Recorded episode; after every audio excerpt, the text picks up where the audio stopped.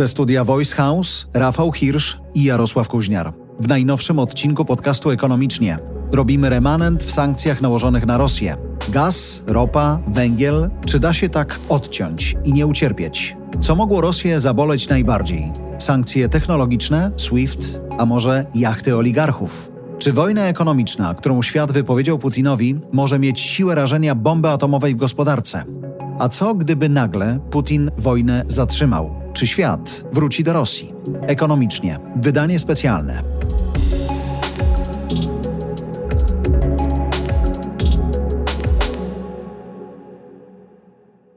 Żyjemy w czasach wojny, więc mówienie, że coś jest niebezpieczne, właściwie brzmi dosyć groźnie, ale nagrywanie audycji, które mogą się bardzo szybko zdezaktualizować, też stało się dosyć niebezpiecznym zajęciem. Dzień dobry, panie Rafale. Dzień dobry, panie Jarosławie. No ale postarajmy się. Pewne rzeczy na razie przynajmniej nie znikną. Sankcje raczej nie. Sankcje są przeróżne, bo mamy i technologiczne, mamy SWIFTA. Nagle wszyscy dowiedzieli się, co to znaczy SWIFT. Mamy osobistych sankcji trochę. No i mamy też dziurę, jedną, drugą, trzecią w sankcjach na coś, co Rosja wykorzystała wykorzystywała świetnie jako dzisiaj dosłownie nawet broń. Słuchajcie, macie nasz gaz.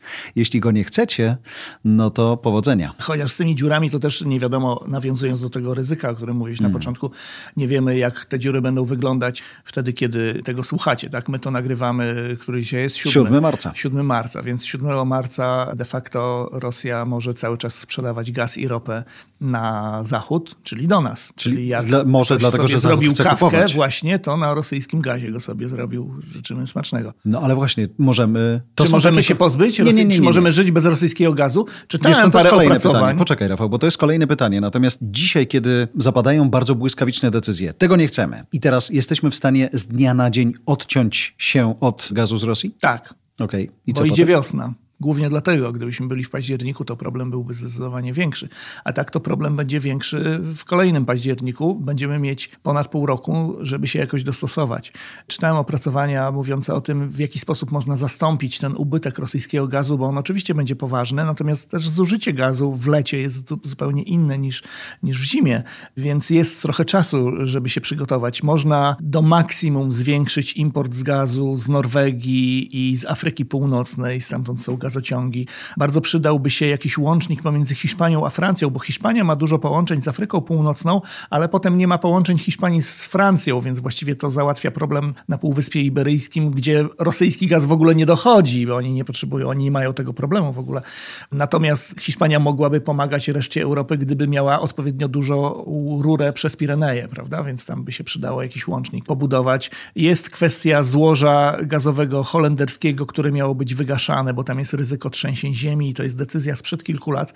Można ją przesunąć, tak? Może o dwa lata. No, trzymamy kciuki, żeby nie było mhm. trzęsienia ziemi. Jasne. Na razie mamy trzęsienie ziemi na Ukrainie. Zupełnie inne. Więc jest taka kwestia. Jest kwestia dostosowań w ogóle w miksie energetycznym, bo wiadomo, że spora część gazu idzie na produkcję prądu, prawda? Elektrownie są gazowe. Więc jest kwestia tego, żeby ograniczyć działalność tych elektrowni, przeprosić się troszeczkę z węglem w Europie na jakiś czas. Będą efekty, jeśli chodzi o politykę klimatyczną. No, ale zostawmy Więc sobie mamy na... dwa złe wyjścia, tak? No, ale jest to jakieś tam wyjście, tak? Jest kwestia wygaszania elektrowni atomowych zapowiedzianych w Niemczech i mhm. chyba w Holandii czy w Belgii, już nie pamiętam. Też są już takie głosy, żeby to przesunąć, opóźnić. Tak? I to wszystko może zmniejszać zapotrzebowanie na gaz w całej Europie, w całym przemyśle. Aha, jeszcze jest LNG, czyli gaz, który płynie ze Stanów Zjednoczonych. Oczywiście Niemcy zapowiedzieli, co jest bardzo fajną rzeczą, że będą budować swoje gazoporty. Oni nie mają ani jednego, ale to jest kwestia 3-4 lat, zanim hmm. uda się Pamiętamy po oddać naszym. to do użytku. No właśnie, to zabiera troszeczkę czasu. Jeśli chodzi o nas, no mamy mieć Baltic Pipe, tak? czyli rurę, która nagle okazuje się, że może być kluczowa i może nas uratować od wielu nieszczęść i Skąd będzie akurat przyjdzie? w samą porę. Skąd ona ma iść? Ona idzie z Norwegii przez Danię i jest zbudowana i ma być pod koniec tego roku, więc akurat w sam raz. Chociaż pełna przepustowość ma być dopiero w 2023. W każdym razie jest jakiś tam szereg drobnych ruchów, które można wykonać i jak się je wszystkie wykona, jeśli one wszystkie się udadzą, to i tak pozostanie deficyt po rosyjskim gazie, ale on już nie będzie aż taki duży. Chyba z tego co pamiętam 30 miliardów metrów sześciennych rocznie, co nam oczywiście nic nie mówi w tym momencie, bo się na tym nie znamy, ale też czytałem takie śmieszne opracowanie, że gdyby we wszystkich budynkach w Unii Europejskiej biurowych obniżyć temperaturę o jeden stopień. O jeden? Jeden stopień. Okay. Ta temperatura średnio wynosi 22 stopnie Jezu, kto siedzi w takim gorąco? Gdyby ją obniżyć do 21, to to jest oszczędność w skali roku 10 miliardów. No panie, to A nawet ten deficyt to 300 30, więc obniżasz z 22 na 19, czyli Żyjesz. generalnie siedzisz, niektórzy siedzą w swetrach, tak? ci, którzy lubią w cieple i tak właściwie jest po problemie, można powiedzieć. A nawet jeśli jest jakiś tam problem, no to te, jego Jasne. skala jest zdecydowanie inna. Natomiast co innego jest w ogóle brak gazu, a co innego jest cena gazu, bo możemy rozwiązać problem braku gazu tak, że go nie zabraknie, że jego będzie, ale on nadal będzie cholernie drogi. Ale to właśnie o to chciałem zapytać. Czy nawet podejmujemy decyzję, że sankcje są takie, Rosjanie, my nie chcemy z uwagi na wojnę waszego gazu. Świat go nie kupuje. I teraz odzyskuje ten gaz, o którym ty mówiłeś. On płynie z północy, płynie ze Stanów Zjednoczonych. Rosyjski versus tamten, który jest droższy? To LNG całe, ta cała północ Europy. Jakby to zsumować? To jest zmienne. To nie da się powiedzieć, który jest droższy, Hmm. bo raz jest tak, raz jest inaczej. Przez cały ubiegły rok narastał problem z gazem w Europie, między innymi dlatego, że cena gazu LNG w Azji była wyższa niż u nas, więc ci, którzy go sprzedają, sprzedawali go w Azji, no bo tam więcej zarobili, więc te wszystkie tankowce z LNG płynęły głównie ze Stanów Zjednoczonych, ale także z Bliskiego Wschodu, bo to są dwa główne No tak. rejony eksportujące LNG, głównie do Azji, przede wszystkim do Japonii, ale także do Chin. Po czym cena w Europie wzrosła tak bardzo, że aż przebiła. Znaczy jest taka konkurencja między Europą i Azją, zabójcza niestety, na zasadzie kto da więcej. I ten, kto daje więcej, ten dostaje LNG. I w ostatnich tygodniach ubiegłego roku ceny w Europie poszły tak bardzo do góry, że aż przebiły te ceny w Azji. I nagle się okazało, że płyną do nas tankowce, hurtem wręcz, dziesiątkami tankowce z gazem LNG i pojawiło się tego gazu więcej. Na tyle dużo, że jak wiemy z różnych doniesień, czasami wręcz nie płynie gaz rurą jamalską przez Polskę na zachód. On nie płynie dlatego, że nie potrzebują go chwilowo na zachodzie, akurat tego gazu, bo mają z LNG, a poza tym obniżyli swoje zużycie. A wracając na chwilę do tego Jamału, on płynie przez Białoruś i Ukrainę? Można Przez Białoruś, przez Ukrainę. Przez Ukrainę. Przez Ukrainę. Są inne No rurociągi. właśnie, tak, okej. tak. Nawet większe od rurociągu jamalskiego. Tak. I jeszcze płynie. Płynie, tak. Płynie. płynie. W, ogóle wszystko wskazuje na to, że Rosjanie nie mają planu takiego, żeby nam Bombardowania zatkać, żeby nam, bo to jest dla nich źródło przychodu i to jest ten główny argument w ustach tych, którzy mówią, że trzeba odciąć ich od tego źródła przychodu. Tak? Nas będzie to bolało. Zauważ, że wszystkie dotychczasowe sankcje, które zostały wprowadzone na Rosję, były tak fajnie moim zdaniem przygotowane, że one wszystkie bardzo bolały stronę rosyjską, a niespecjalnie bolały nas. Do czasu. One były takie asymetryczne. Natomiast gdyby wprowadzić embargo na dostawy gazu i ropy naftowej z Rosji, no to oni dostają kolejny potężny cios, bo są odcięci od głównych źródeł swoich przychodów. No ale w tym momencie to już my też dostajemy bardzo mocno w skórę. Tak? To już nie jest asymetryczna sankcja i jest ryzyko, i jak ludzie zareagują na to w Europie, bo wiesz, ludzie są różni i wszyscy wspierają Ukrainę, kiedy polega to na zachodzie Europy głównie na tym, że trzeba wyjść na ulicę No tak. i pomachać transparentem, a ewentualnie kogoś przyjąć pod swój dach,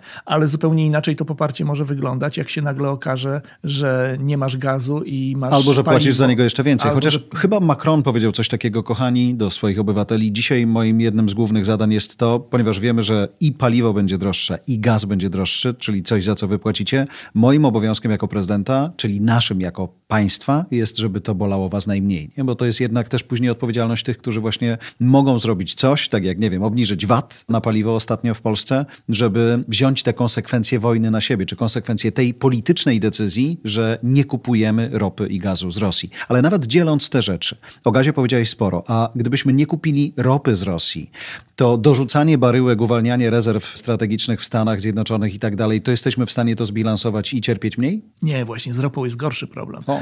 W ogóle jakby patrzeć na strukturę zużycia i tego skąd bierzemy gaz i ropę, to my jeśli chodzi o rynek gazu robimy dość spore postępy przez ostatnie lata. Mamy coraz więcej własnego wydobycia. Pegnik kupił złoża w Norwegii. One są w Norwegii, ale tak naprawdę są nasze w tym momencie. I oczywiście import z Rosji jest bardzo ważny cały czas, ale to jest mniej niż 50%. Natomiast jeśli chodzi o ropę naftową, to tutaj problem jest zdecydowanie większy, bo to uzależnienie jest większe. I czym zastąpić ropę naftową, jeśli ona zniknie z rynku europejskiego, to tutaj nie ma żadnego wygodnego rozwiązania, bo oczywiście mówi się o tym, że za chwilę będzie porozumienie z Iranem, może już to porozumienie zostało osiągnięte, ale jednak Iran to jest mniejsza podaż ropy niż to, co może zniknąć ze strony rosyjskiej. Uwalnianie rezerw siłą rzeczy musi być tymczasowe, bo przecież jeśli nie będzie, to one się za chwilę skończą. I też to nie są te ilości, które mogą zatrzymać. No to pewnie w tym momencie już katastrofę dość poważną, gdyby na trwałe odciąć się od rosyjskiej ropy. Natomiast inny fajny aspekt tego jest taki, że to wygląda tak, jakby rynek i tak już się od niej odciął oddolnie, ponieważ ta ropa i tak już nie dociera, dlatego tak bardzo drożała w ciągu ostatnich dni. I dlatego widzieliśmy, jak dzisiaj jest 7 marca, to ropa jest po 130 dolarów za baryłkę, czyli to jest, są już poziomy rekordowe, a ceny w związku z tym ceny na stacjach benzynowych są, jak teraz jechałem, widziałem 6,90 tak. w centrum Warszawy. Ta lepsza już powyżej 7 zdecydowanie. No generalnie tempo wzrostu jest takie, że to drożeje o 40-50 groszy tygodniowo. Więc... I to jest przy obniżonym wacie cały I to czas. jest, jest przy, tak, tarcza antyinflacyjna, kto o niej pamięta w ogóle, ale ona... No, z billboardów Orlen jeszcze się nie uchwali. Swoją drogą zastanawiam się, czy gdyby się z niej wycofać, to ktoś by zauważył dzisiaj, bo może to jest dobry moment, żeby się z niej wycofać. Jest, ale to... No bo to... to ludziom zrobi różnicę, czy zapłacą 7,20 czy 7,70. No. To, i ta, to i tak już urywa ci głowę. No tak, nie, ale między 6,90 a 7,70 już urwało. No wtedy. No tak, no. Więc paradoksalnie może właściwie można by w tej chwili już dać spokój sobie z tą tarczą, ale faktycznie gdyby nie ta tarcza, byłoby jeszcze hmm. o to tam 60 groszy. Dobra, czyli z ropą będzie gorzej niż z gazem. Gorzej. Będzie gorzej, bo nie ma czym jej niestety zastąpić. A poza tym ropa ma mniejsze znaczenie w energetyce, bo gaz jest no tak. istotny w energetyce i w energetyce masz pole manewru, mhm. tak? Właśnie masz te elektrownie atomowe, elektrownie węglowe. Tutaj możesz obniżać zapotrzebowanie na gaz w ten mhm. sposób. A jeśli chodzi o ropę naftową, no to oczywiście możesz też zmniejszyć zapotrzebowanie, ale zmniejszasz ją poprzez recesję, no tak naprawdę. Tylko chciałem cię o jedno zapytać w kontekście właśnie tych natychmiastowych decyzji. Nie chcemy jeżeli my właśnie zgłaszamy zapotrzebowanie, czyli kontraktujemy sobie coś i cholera, kontraktowaliśmy to w Rosji, jesteśmy, rozumiem, że z jakimś kosztem, siłą rzeczy, urywając taki kontrakt, no to płacimy za to i tego nie bierzemy, tak? To już się nie przejmujemy umowami, które nas jakoś tam zobowiązywały do odebrania tego, co sobie zamarzyliśmy wcześniej. No to są jakieś tam techniczne rzeczy, jak to jest konkretnie zapisane w kontrakcie. Być może tak, być może pojawiły się jakieś tam dodatkowe koszty finansowe, ale one pewnie no będą tak. drugorzędne. No warto też powiedzieć o tym, że w sytuacji sytuacji, w której byśmy dzisiaj powiedzieli, że koniec z rosyjską ropą, no to jednak mamy jeszcze jakieś tam zapasy. To znaczy ten problem nie pojawia się mm, jutro. Jasne. Mamy tam jakieś kilka miesięcy zapasów, które nam wystarczą, ale też pewnie rząd nie będzie chciał, państwo nie będzie chciało dopuścić, żeby w ogóle wyzerować te zapasy, więc pewnie problem pojawiłby się zdecydowanie Ale szybciej. wiesz, za chwilę wakacje, nawet jeżeli jest wojna, to myślę, że ludzie będą chcieli na nie pojechać, ale ta sytuacja, którą sam widziałem w Warszawie na stacji, wprawdzie to dotyczyło takiej ekskluzywnej benzyny, ale brak. Mój ojciec w Bielawie mówi, że nie może zatankować też normalnie zwykłej 95 do swojego strucla, więc to też jest coś takiego, że nagle brakuje paliwa i wiesz, że dawno czegoś takiego nie było, a no, teraz to jest Paliwa zaczęło problem. brakować ostatnio, dlatego właśnie, że ludzie wpadli w panikę i, no tak. że tak powiem, zabili logistykę chwilowo. Znaczy, wszystkiego może zabraknąć, jeśli w danym miejscu, w danym momencie zbierze się odpowiednio no dużo Papieru ludzi. Papieru toaletowego w 20 roku nie brakło, no jak, ale jakby się odpowiednio dużo ludzi zgromadziło no w tak. sklepie, to też by wykupili cały nie papier i trzeba by było zaczekać na kolejną dostawę. Paliw w tej chwili, w ostatnich dniach brakowało na stacjach benzynowych nie dlatego, że ten kryzys już jest, bo przecież ta ropa ciągle płynie z Rosji i z innych kierunków też do nas, tylko to były problemy logistyczne. Znaczy, powiem tak, paliwa nie zabrakło w Polsce, ale zabrakło na niektórych stacjach benzynowych, ponieważ do tych stacji benzynowych trzeba dowozić to paliwo i to dowożenie też odbywa się w jakimś tam tempie, w jakimś rytmie i jak przyjeżdża jedna cysterna dziennie, a ludzie wykupią no całą no tak. cysternę w trzy godziny, to następna dopiero następnego dnia przyjedzie, więc takie historie mogą się zdarzyć.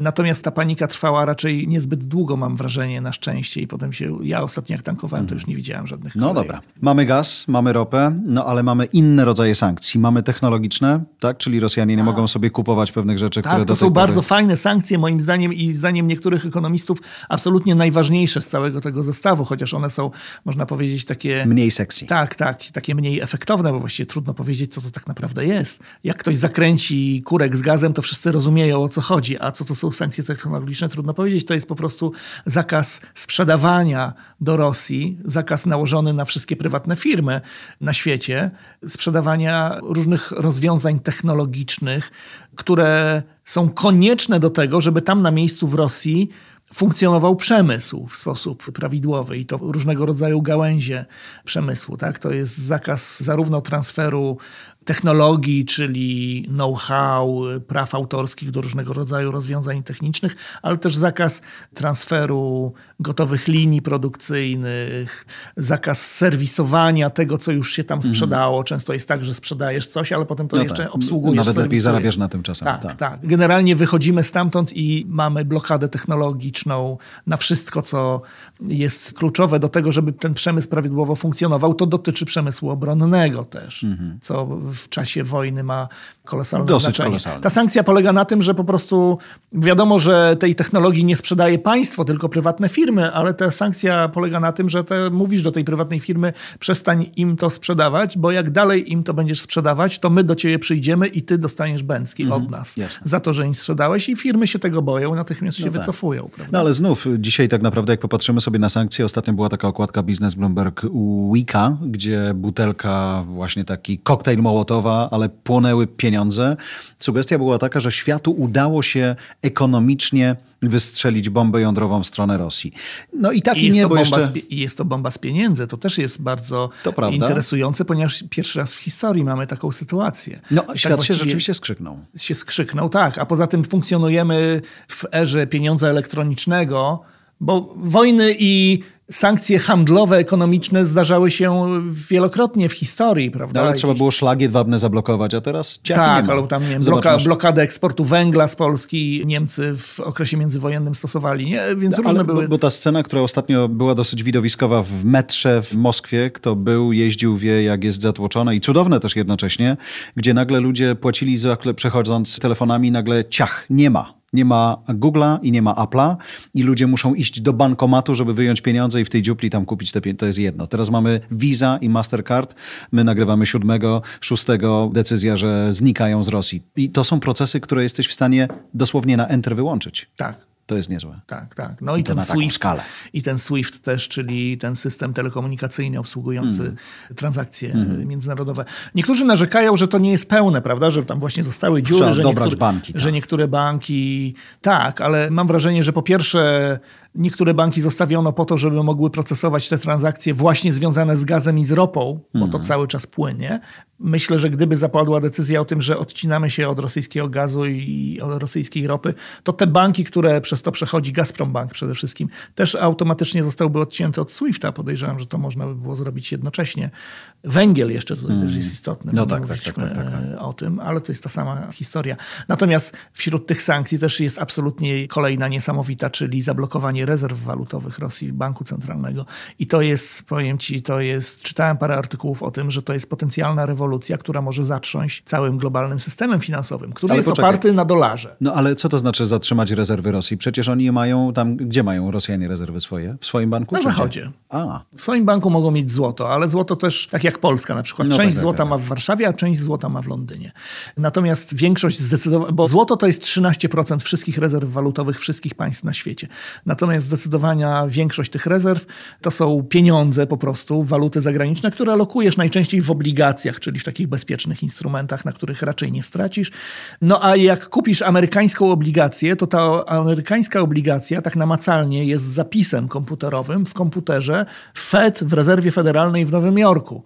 I to jest zobowiązanie tego Fedu w Nowym Jorku. Że on to tego, zamieni na kasę. Że jak ty tam, tak, że jak zapragniesz mieć dostęp, mhm. to on ci to zamienia na kasę i po prostu to masz, tak? I to jest jakby fundament, cały fundament całego systemu walutowego, to zaufanie, tak? Że masz to no na tak. wyciągnięcie ręki, że to jest twoje i oni to obsługują. No chyba, Chociaż... że jest wojna, tak? I, I właśnie teraz się okazuje, że, że jednak to tak może nie działać, że tak właściwie to jest zobowiązanie Amerykanów i Amerykanie mogą się wypiąć. No, ale z I co strony... im zrobisz? No. Oczywiście to jest uzasadnione w tym no, momencie, tak, bo tak. Rosja napadła na Ukrainę i bardzo dobrze, że oni to zrobili. Tylko, że wiesz, widzi to cały świat i myśli sobie, hej, hej, hej, ale to, czyli kurczę, to jednak, jednak jest tutaj ryzyko, znaczy takie rozwiązanie, które było traktowane jako absolutnie bez ryzyka, nagle okazuje się, że jest ryzyko. Musisz bardzo mocno zasłużyć na to ryzyko, oczywiście, najeżdżając jakiś niewinny kraj, tak. ale dużo tych rezerw jest także w rękach absolutnych bandytów.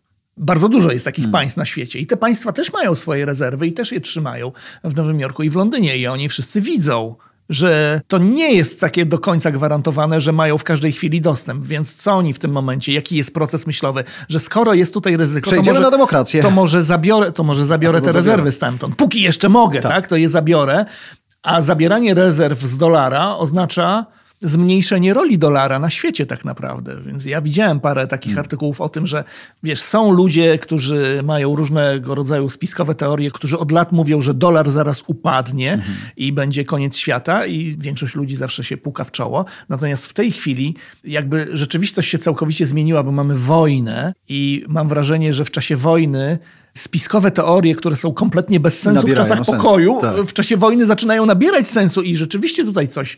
Staram się to tak powiedzieć, żeby nikt nie pomyślał, że ja teraz Odpukać. Y, prognozuję upadek dolara, bo jesteśmy bardzo daleko od tego, ale wiesz, coś tutaj drgnęło nagle, tak? Wydawało się, że to jest taki solidny mur nie do ruszenia, a tutaj coś się posypało. Wracając do Fedu, rozumiem, że Amerykanie potrzebują kasy, więc emitują swój dług w obligacjach. Rosjanie kupują sobie te obligacje i finansują na przykład amerykański dług, tak? I to jest tak, jak mówisz, zapis w Fedzie w komputerze i teraz... Amerykanie nawet nie potrzebują kasy, Amerykanie mhm. potrzebują towarów zagranicznych. Okay. Cały świat funkcjonuje w taki sposób, że gospodarka amerykańska jest największa na świecie, najpotężniejsza i ma najwięcej konsumentów, najbogatszych konsumentów. I ci konsumenci, czyli Amerykanie, chcą konsumować. I dla reszty świata jest to ogromna szansa na rozwój, bo możesz produkować wszystko i sprzedawać to Amerykanom. To zawsze tak, to w Cesarstwie Rzymskim tak samo działało, tak? że ci wszyscy Słowianie i Germanie żyjący w lesie handlowali z Rzymianami i Rzymianie mieli kupę kasy i tam kupowali jakieś tam świecidełka albo jakieś wyroby z rogu, tak? bo samym im się nie chciało w Rzymie tego robić, ale było fajne, więc jechali tam do lasu i kupowali, płacili jakimiś tam rzymskimi pieniędzmi, które potem zaczynały krążyć wśród tych Germanów i Słowian i dzięki temu oni też mogli budować swoje własne bogactwo. Tak? Generalnie to zawsze działa w ten sposób, więc cały świat produkuje całą masę różnych rzeczy, które potem kupują Amerykanie, bo mają mhm. pieniądze i kupują za dolary oczywiście, tak? płacąc tymi dolarami i w ten sposób wpuszczają te dolary w obieg na całym świecie i te dolary potem są kumulowane w postaci tych rezerw walutowych i jakby wracają do Stanów Zjednoczonych, ale są już własnością tych innych państw. I okay. to jest taki jakby obieg zamknięty. Wiesz, z jednej strony to oznacza, że Amerykanie mają chroniczny deficyt handlowy. Cały czas kupują od zagranicy więcej niż sami eksportują, ale dzięki temu utrzymuje się ta hegemonia amerykańskiego dolara, który jest najpopularniejszym pieniądzem na świecie, który jest obecny wszędzie tak właściwie. W każdym, na największym zadupiu i najbardziej zamordystycznym kraju stoi na rogu jakiś cinkciarz, który ma dolary w kieszeni. To jest pieniądz dostępny absolutnie wszędzie na świecie, tak? I wszyscy wiedzą, co to jest amerykański dolar. Mało tego, wszyscy wiedzą, co to jest cinkciarz. No właśnie.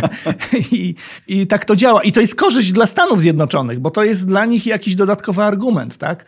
Bardzo rzadko on jest stosowany, ale w tej chwili właśnie został zastosowany. Znaczy odcięto Rosję, która jest jedenastą największą gospodarką na świecie, od dolarów, które wszystkim się wydawało, że te dolary są rosyjskie, tak? Tak? Ale i one nadal niby są rosyjskie, tylko że Rosjanie nie mają do nich dostępu. Wystarczy, że skończysz wojnę i to wszystko wróci, bo tak swoją drogą jestem ciekaw, gdyby nagle, to jest oczywiście marzenie ściętej głowy, ale gdyby ten Putin tak popatrzył na to wszystko, gdyby doszło do tego przewrotu pałacowego, daj Boże, nie wiem, ktoś go zabije, otruje, cokolwiek takiego, dojdzie tam do jakiejś zmiany i zakładamy, że to będzie zmiana na, w cudzysłowie, lepsze i wojna się skończy, no to, to raz, co dalej z tymi właśnie, co dalej z tymi tak. sankcjami? To jest inna sprawa, ale to Znaczy myślę, że gdyby odcinek. to się skończyło tak, że, że faktycznie jest tam zmiana zmiana na lepsze, jakiś przewrót, no to wtedy jasne, że można te sankcje uchylić. Natomiast co jeśli ta wojna się skończy i dalej będzie tam rządził Władimir mhm. Putin? Albo wojna się skończy po prostu zwycięstwem tak. Rosji i upadkiem Ukrainy, mhm. czego też nie można wykluczyć. Więc 7 marca nie można tego wykluczyć. Zostawmy tutaj trzy kropki, wracając do sankcji, bo mamy sankcje na Rosję jako taką, tak jak mówisz, rezerwy walutowe, czyli bardzo mocne uderzenie,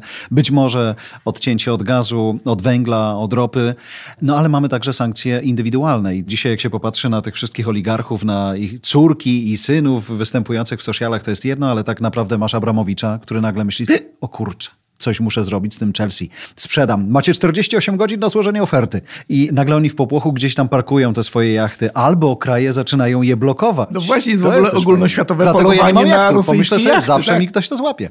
Tak, tak, tak.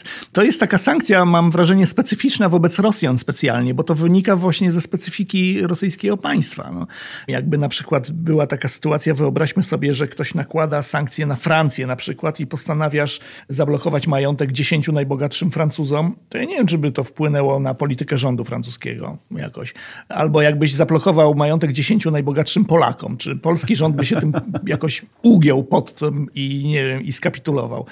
Niekoniecznie mam wrażenie. Natomiast w Rosji ta polityka z tym biznesem i z tymi Oj. oligarchami jest tak bardzo powiązana, że faktycznie to jest, być może to jest najskuteczniejsza sankcja z tych wszystkich.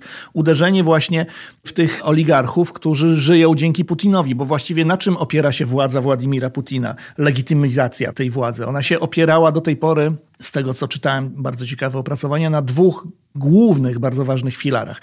Pierwszy filar to jest taki, że jest to mocarstwo atomowe i że armia rosyjska jest absolutną potęgą i wszyscy się jej boją. W związku z tym nikt nie fika do Rosji, tak? A druga ta przesłanka, drugi ten filar jest taki, że Władimira Putina wewnątrz wspiera wąska, bardzo silna grupa różnych tych właśnie oligarchów, którzy czerpią profity z tej sytuacji, znaczy mają płacone po prostu, tak? Jest taki układ, że ty tutaj rządzisz Grosze, państwem, ale ty mają, Władimirze rządzisz tutaj państwem, my się na wszystko zgadzamy, możesz robić co ci do głowy przyjdzie, ale my tutaj bierzemy 20% od wszystkiego, opływamy w dostatek i ci nie przeszkadzamy. Jakbyśmy się kiedyś zmówili, moglibyśmy cię obalić, ale właściwie do niczego nam to nie jest czasem potrzebne. tylko wojny nie wypowiadaj. Bo no nam jest z tobą bęc. dobrze. Tobie jest dobrze z nami, a nam jest z tobą dobrze i to jest ten układ, który funkcjonuje. I w tym momencie właściwie dwa te filary y, Szlak mogą trafi. paść. Znaczy filar legenda o niezwyciężonej armii rosyjskiej właściwie legła na Ukrainie. Nawet jeśli oni wygrają tą wojnę, no to to, jednak to nie ten styl, To nie który 48 chodziło. godzin. Tak, a po drugie wręcz widziałem wczoraj taki śmieszny, śmieszny, No nie ale nie, śmieszny, ale ciekawy, na tej wojnie też jest. ciekawy komentarz takiego faceta, który zarządza funduszem inwestycyjnym i on sam pisze, że on analizuje te wszystkie wydarzenia siedząc na plaży w Malibu w Kalifornii, więc nie aspiruje Czuje do bycia jakimś bezpieczny. niesamowitym ekspertem. Natomiast z tego, co on widzi, bo on interesuje się generalnie Rosją, bo tam inwestuje Mhm. portfelowo, ale z tego, co on widzi, to on widzi, że właściwie Dzisiaj świat może odnieść wrażenie, że z armią rosyjską wygra nawet Belgia. Tak to ujął, tak? Tam nie tylko Ukraina, że no właściwie armia belgijska jest w stanie tam pojechać i pokonać armię rosyjską. Tak funkcjonuje arm- armia rosyjska, więc ten wizerunek legł w gruzach. No i jest ten drugi filar. I teraz pytanie, czy te sankcje, które zostały nałożone, są wystarczające do tego, żeby rozwalić ten filar, czy jeszcze są za małe? I właściwie nie wiemy tego i się nie dowiemy. No, czy musimy zaczekać i zobaczyć. Są głosy ze strony pojedynczych rosyjskich oligarchów krytykujących Putina, ale to są ci, którzy najczęściej znajdują się poza granicami No tak, Rosji, prawda? najłatwiej. Jakby byli No wiesz- w Moskwie, to pewnie by się trochę bardziej bali. No i to jest kwestia tak, czy to skłoni ich do tego, żeby wycofać poparcie i zorganizować tam jakiś pucz, jakieś przesilenie, czy nie? Żeby organizować przesilenie, trzeba mieć następnego lidera który jest w stanie wziąć to na klatę, bardzo ryzykować, tak? Bo w momencie, w którym godzisz się na to, żeby być następnym liderem, no to jeszcze musisz pokonać tego obecnego, tak? I jak go nie pokonasz, no to mało życia ci zostało w Mhm. Mało, tym momencie. mało. I ten koniec twojego życia będzie dość bolesny, A najprawdopodobniej. dwa, że pewnie tym oligarchom musisz zapłacić więcej, żeby to w ogóle miało sens, Tak, nie? tak, więc to jest skomplikowana historia, natomiast to też już nie wygląda tak dobrze. Znaczy, oni wszyscy zdają sobie sprawę, że cały ich dotychczasowy dostatek był dzięki Władimirowi Putinowi i cała nadciągająca na nich ruina też jest dzięki Władimirowi Putinowi. Przez, tak. więc mogą dojść do różnych wniosków. A te córki biedne siedzą w tych szkołach drogich. Ten Londyn też nie jest takim miastem, które łatwo zapomnieć, więc dobrze byłoby tam zdecydowanie pożyć. Ale takich osób, które jawnie mówią, to nam się nie podoba, co robisz Władimirze Putinie z tego powiedzmy takiego establishmentu, nawet jeżeli to nie są ci oligarchowie, też niewiele jest. Przed dosłownie włączeniem mikrofonu wspominałem Rafałowi o tym, że Ała Pugaczowa, jej mąż i dzieci znikają z Rosji chyba na zawsze, tak pisze Agnieszka Szypielewicz. Protestowali przeciwko wojnie w Ukrainie i teraz widać na social mediach zdjęcie Ały Pugaczowej w swoim własnym odrzutowcu, jak zdaje się z Rosji wylatuje. Ale to, Fajna to była... ona chyba przez Arktykę wylatuje, bo trudno wylecieć z Rosji, Nie, ona chyba że do ponad- Chin, chyba no. że tam w tamtą stronę, Może. do Australii. To jest ten klimat, myślę, że ona mogłaby się przydać, ale też pojawiła się informacja, że taki gość, który jest takim, powiedzmy, z tych, wiesz, wieczornych late night showów amerykańskich, to on w Rosji to robił, nazywa się Iwan Urgant, taki Jimmy Kimmel tylko w Rosji.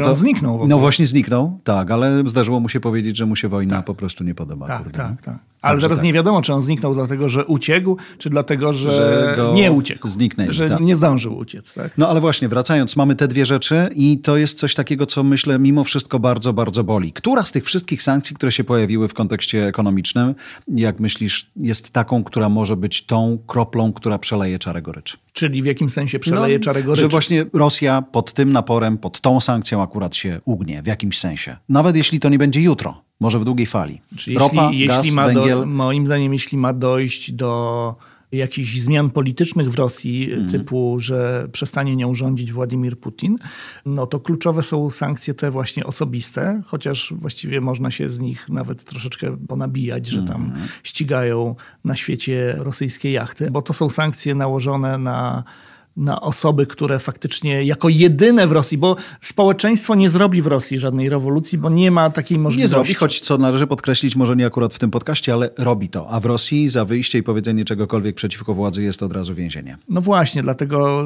będzie to robić mało ludzi i nie należy ich za to winić, bo każdy No by tak. się bał na ich miejscu.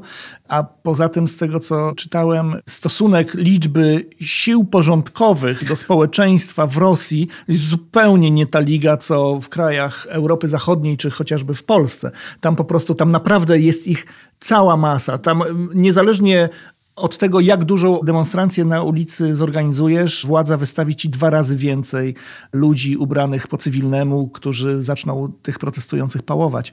I to jest po prostu taka przewaga, której nie da się zniwelować. Do tego zostali odcięci, właściwie są odcięci od informacji dawno, teraz zostali odcięci od internetu. Nie są w stanie nic zrobić i naprawdę nie należy liczyć na to, że ludzie, że społeczeństwo rosyjskie będzie chciało coś zrobić. Po pierwsze dlatego, że nie może, po drugie także dlatego, że spora część tego społeczeństwa w ogóle Za nie Putinem, chce, dokładnie. bo wierzy w wersję rosyjską. Natomiast mogą to zrobić oligarchowie, ci, którzy są blisko Putina. Oni mogą dojść do wniosku, że on jednak jest zbyt dużym wariatem i zbyt dużo oni sami ryzykują i po prostu go przesunąć w jakieś inne miejsce. Nie wiem, czy siłowo, czy namawiając go na to, że może poszedł na jakąś fajną emeryturę z jakimiś gwarancjami, że nikt go nie będzie ciągał po sądach i tak dalej. Tak? No, takie usunięcie Co się... do Hagi nie wiemy, ale po sądach w Tak. Moskwie cię nie pociągamy. Tak, tak. I że on gdzieś tam się zaszyje i nikt o nim nie będzie słyszał przez 10 lat i będzie rządził ktoś inny. Mówię, po pierwsze to jest bardzo duże ryzyko. Po drugie, wszystko wskazuje na to, że mamy do czynienia z człowiekiem, który oszalał, więc nie wiadomo w jaki sposób on będzie reagował na tego typu propozycje. A robienie tego bez porozumienia z nim, czyli w sposób siłowy robienie przewrotu, może okazać się niesamowicie, niesamowicie ryzykowne. Swoją drogą czytałem taką opinię też z jakiegoś banku amerykańskiego. Takie podejrzenia, wiesz dlaczego Władimir Putin napadł na Ukrainę, znaczy napadł na Ukrainę, bo oszalał. A wiesz dlaczego Mhm. oszalał? Nie? Przez COVID. Bo on się odizolował. Widziałeś ten stół, jaki Tak, jest. tak, tak. On ma kompletnego hopla na tym punkcie. I on podobno przez ostatnie dwa lata był kompletnie odizolowany od świata zewnętrznego. On bardzo A gwałtownie... nie, że przeszedł, tylko tak się odizolował, że go nie przeszedł, nie natomiast był w takim tak, dystansie, nie że zachorował- oszalał. Tak, i Okej. on y, naprawdę odciął się od kontaktu ze światem zewnętrznym, takiego Mhm, bezpośredniego i właściwie stał się niesamowicie samotnym człowiekiem. I jak jesteś takim samotnym człowiekiem, w którym już wcześniej były różnego Mhm. rodzaju frustracje tak, i jakieś tam wizje dziwne, Mhm. historyczne w głowie, no to dwa lata samotności potęgują No, to. kurczę, tak? no I- to musisz być naprawdę skończonym idiotą, jeśli z tego powodu jednak idziesz na wojnę z całym światem. Znaczy, niby myślałeś, że z Ukrainą, a się okazało, że Znaczy, po pierwsze, po pierwsze światem. potęguje ci to, te twoje własne zwidy ulegają spotęgowaniu, a po drugie jesteś odcięty od faktycznych informacji o tym, jak wygląda sytuacja i jesteś w stanie uwierzyć swoim adiutantom, którzy ci tylko przyklaskują. I jak mówisz do adiutantów, słuchajcie, jak najedziemy na Ukrainę, to ona się podda w dwa dni, nie? Oni mówią, tak, tak, na pewno Ura! się podda. Na pewno się podda. I on właściwie jest odcięty od jakichś bardziej Mhm. e, rzeczowych i obiektywnych analiz a propos tego, jak to naprawdę wygląda, więc podejmuje błędne decyzje. Kropka. Dziękujemy za Twoją uwagę. Ale zanim się rozłączysz albo posłuchasz kolejnego odcinka, mam prośbę. Spotify pozwala teraz na ocenę podcastów. Jedna, dwie, trzy, cztery albo pięć gwiazdek. Bądźcie z nami szczerzy. Dziękuję. Jeżeli jeszcze nie subskrybujesz naszej audycji, zrób to na Apple Podcast czy Spotify. Nie przegapisz najnowszego odcinka i pomożesz nam się wspinać na listach podcastowych przebojów. Zasubskrybuj także inne podcasty od Voice House. Znajdziesz je na każdej platformie podcastowej, w każdym kanale social mediowym. Zapraszam też na stronę Voice House po więcej dobrej treści.